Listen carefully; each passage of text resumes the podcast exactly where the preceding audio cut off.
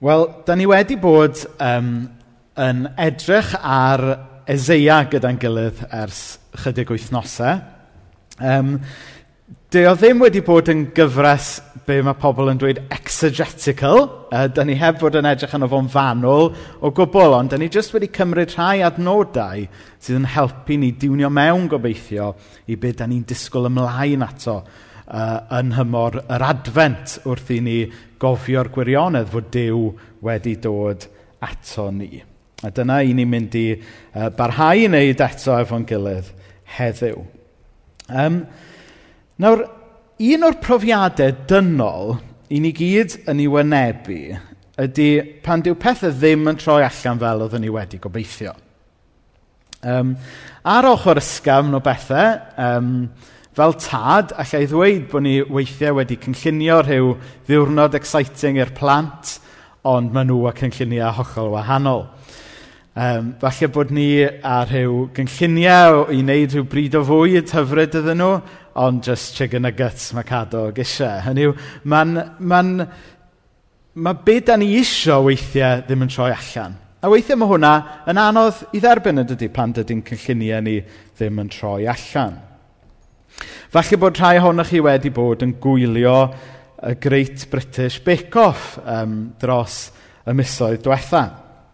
A wedi'ch ysbrydoli gan y rhaglen, mae'n siŵr bod chi wedi mynd i'r gegin, wedi prynu'r blawd, wedi prynu popeth ydych chi angen, um, a bod chi, a jyst rhyw syniad yn eich pen, dwi'n gallu wneud hwnna, tywed, dyw hwnna ddim yn edrych mor anodd â hynny, a fod ganddo chi rhyw syniad yn eich pen o'r, or gacen ysblenydd yma neu'r dorth anhygoel yma dych chi'n mynd i allu i droi allan yn eich cegen.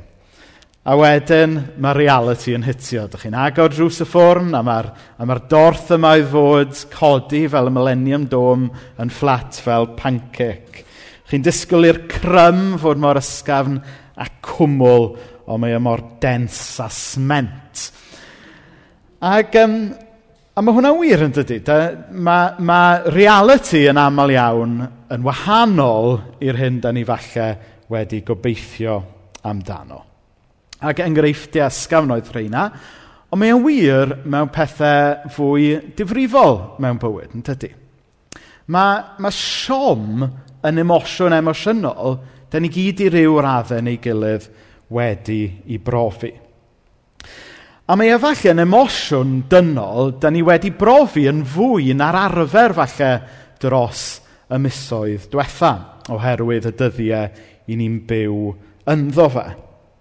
Um, dwi'n gwybod er enghraifft bod yna rai cyple, efallai, oedd gyda rhyw gynlluniau i briodi eleni, wedi cael eu cynlluniau wedi chwythu yn blwc, neu o leiau cynlluniau wedi goffo cael ei ail drefnu sawl gwaith.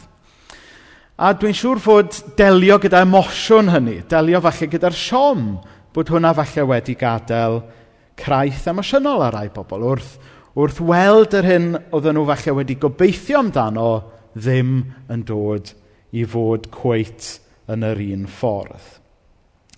No, nes i glywed stori ffantastig wythnos yma am gwbl oedd um, wedi dyweddio yn Iceland.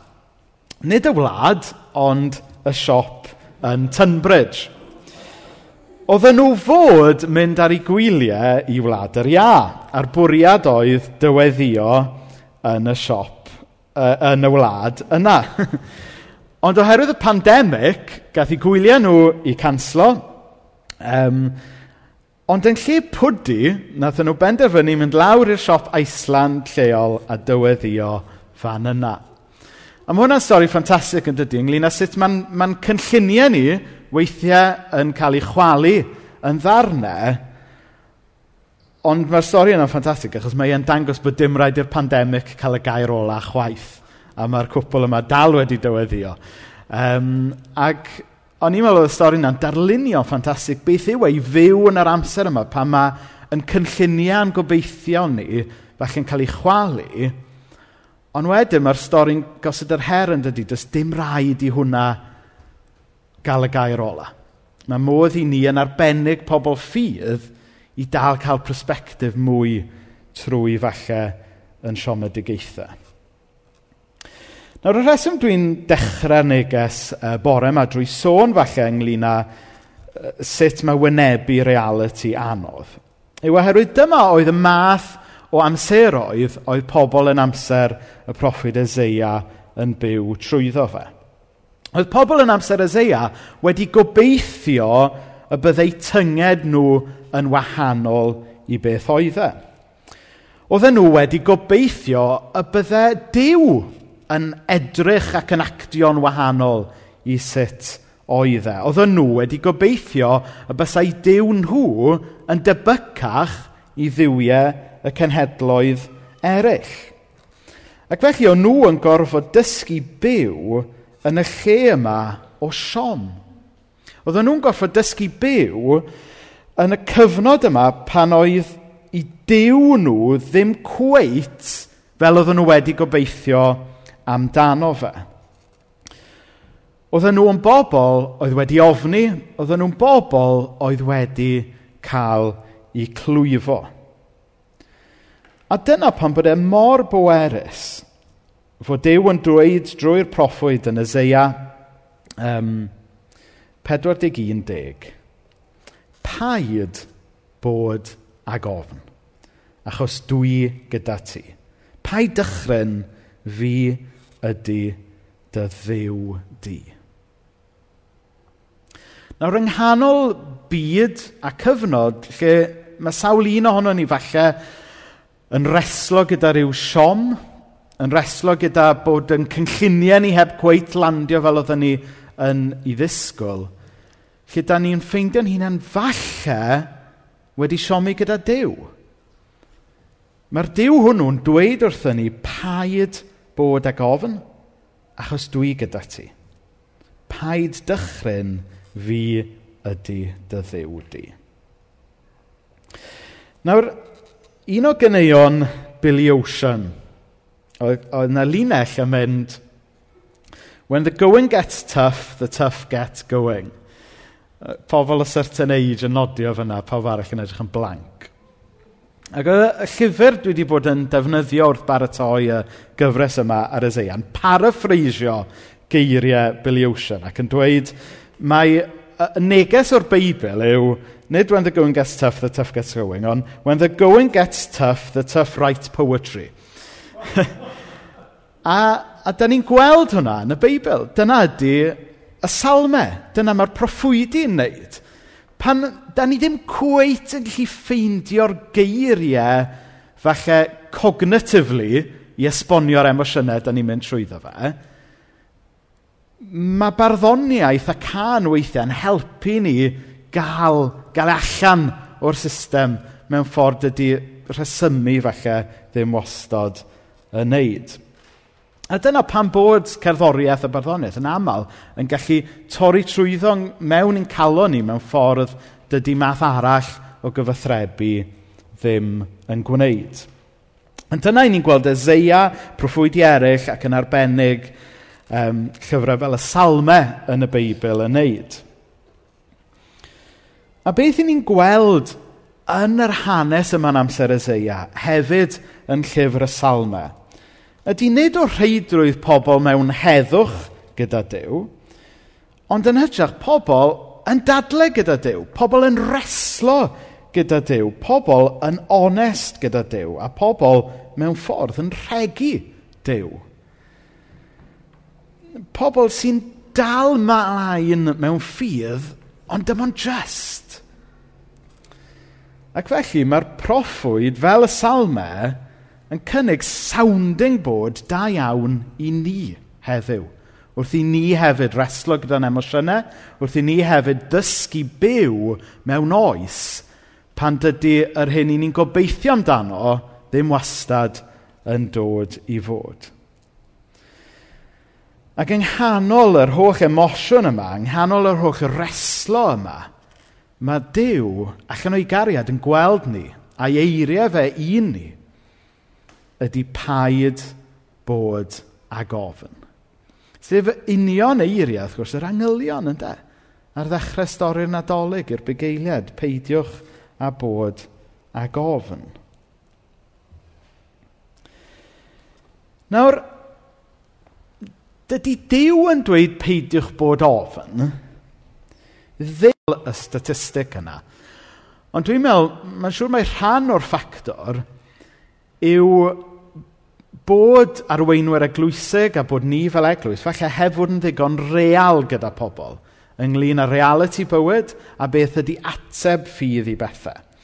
A mae e bron wedi cael ei wneud yn waith yn y misoedd diwethaf wrth bod ni wedi gweld yr yr prosperity gospel preachers ma oedd yn cefnogi Donald Trump yn rhyw fath o addo, rhyw fath o bywyd, tybod, hardd perffaith jyst i bobl roed mwy o ffydd yn niw. Bod yna rhywbeth o link rhwng mwy o ffydd sydd gyda chi, y gorau fydd eich bywyd, y mwyaf o arian fyddwch chi'n roed um, i'r eglwys, y, y, y mwyaf hawdd bydd eich bywyd.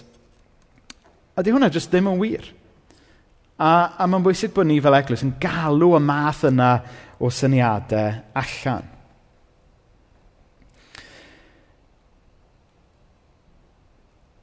Y reality yw, a mae'r Beibl yn helpu ni weld y reality yma, yn bod ni yn gobeithio ac yn disgwyl mlaen i amser pam na fydd poen a bydd Iesu yn sychu bob deigryn, ond yn y cyfamser, da ni dal yn byw mewn byd toredig. Da ni dal yn byw mewn byd lle mae uh, relationships rhwng yn gilydd yn torri. Da ni dal yn byw mewn byd byw lle mae cancers yn tyfu, lle mae pethau ofnadwy yn digwydd i bobl heb bod bai arnyn nhw. Mae'r Beibl yn helpu ni wynebu reality fod bywyd weithiau yn gallu bod eitha rybys. Dwi'n cofio dad yn dweithio fi um, tua diwedd coleg cyn mynd i'r byd go iawn, os ydw i wedi cyrraedd y byd go iawn o hyd. A cofio dad yn dweithio fi, a esgysodwch fi yn arbennig i'r plant yma, life's a bitch, ac un o wersi pwysica bywyd ydy wynebu hynny. Mae dod i'r realisation yna yn helpu ni wneud synwyr o'r byd. Helpu ni weld fod yna rhywbeth wedi mynd yn anghywir yn y byd yma. Fod rhywbeth wedi taro'r byd yma o ddiar i echel. Ond yng nghanol hyn i gyd, mae Dyw yn dweithio ni paid a bod ofn. Is he having a joke? Be sy'n mynd ymlaen fan hyn? Os ydy Dyw yn gofalu ar ôl ni, wel sut yn union mae e'n gwarchod ni tra bod y byd dal yn syrthio i ddarnau yn cwmpas ni? Beth yw'r pwynt i ni droi at ddew os yw e ddim yn gallu gwarchod ni rhag y pethau anodd yma? Ond y gwir amdani, da ni wedi cam ddeall sut mae Dyw yn gweithio yn y byd toredig yma. A ddysio draws y dyfyniad arbennig yma gan Richard Rohr wrthos hyn. Faith isn't for overcoming obstacles, it's for experiencing them all the way through. A dyna i ni'n gweld yn Ezeia. Mi oedd Ezeia yn realist. Ac yn yr oes yma lle mae llawer o grisnogaeth gyfoes, gan gynnwys crisnogaeth sydd dan y label efengylaidd – wedi mynd just yn rhywbeth o self-help, feel-good, pop psychology. Mae'n bwysig bod ni fel Cresnogion yn real efo'n hunain, efo pobl. Mae angen i ni ail ddarganfod beth yw bod yn real ynglyn â'n sefyllfa er mwyn deall be mae Dyw yn y busnes o'i drwsio a'i adfer yn Iesu Grist. Mae angen i ni, yng nghanol yn profiadau anodd, ail ddarganfod beth yw Christian contentment. Dim contentment, Christian contentment. Nawr, pan o'n i yn um, tyfu fyny, oedd na ddyn yn byw rownd y gornel i ni. Oedd e'n Scotin, Mr MacDougall. A bob tro oeddech chi'n gofyn i Mr MacDougall sut oedd e, yr ateb oeddech chi'n cael, I'm average. Just average. Nawr, ar iwydd, allech chi weld oedd yn ddyn negyddol iawn. Ond y gwir amdani, oedd e jyst yn ddyn real iawn. Achos dyna sut mae bywyd rhan fwy o'r amser. Tyfod, da ni'n gofyn i'n glis sut wyt ti. A da ni wastad yn dweud, o iawn, diolch. Ond y gwir amdani, rhan fwy o'r ddwrnodau, just average dyn ni, ynddo. A mae'r Beibl yn dysgu ni beth yw bod yn bobl ffydd, ddim jyst pan mae bywyd yn dda, ond pan mae bywyd just yn average. A dyna mae Ezeia yn helpu pobl ddew i wneud yn y foment yma, pan mae pethau just yn average. Mae e'n helpu nhw weld y persbectif mwy.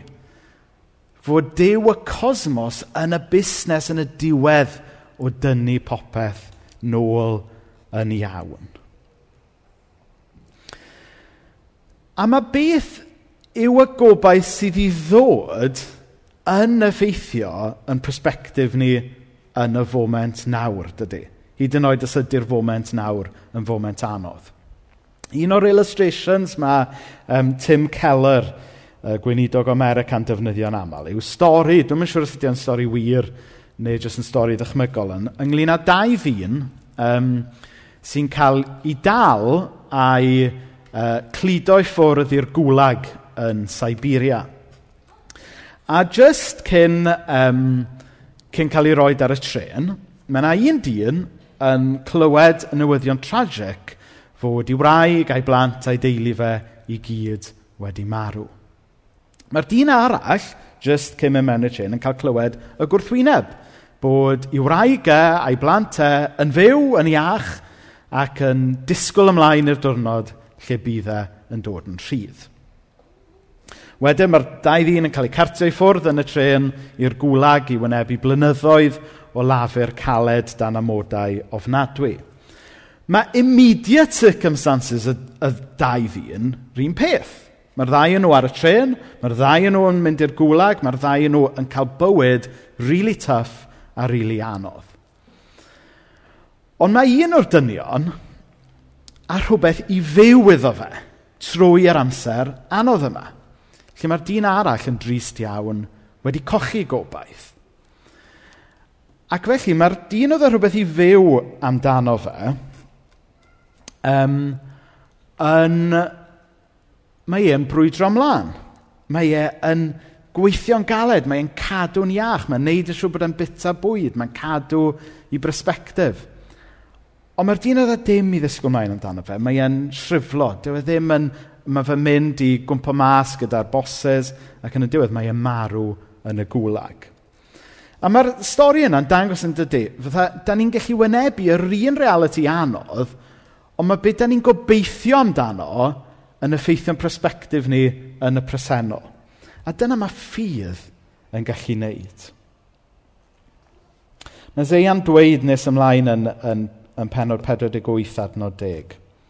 Edrych, dwi wedi dyburo di, ond nid fel arian, dwi wedi dybrofi di yn ffwrnais dioddefaint. Mae'n cyffwrdd ar y busnes anodd yma fod bod ni'n cael, yn ffydd ni'n cael ei brofi fod pethau anodd yn brawf arno ni.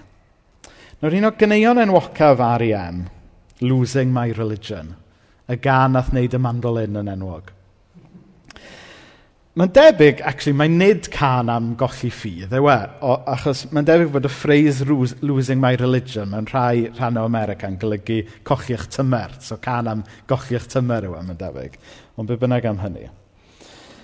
Nawr, da ni'n byw mewn cyfnod lle mae pobl yn colli ffydd. Um,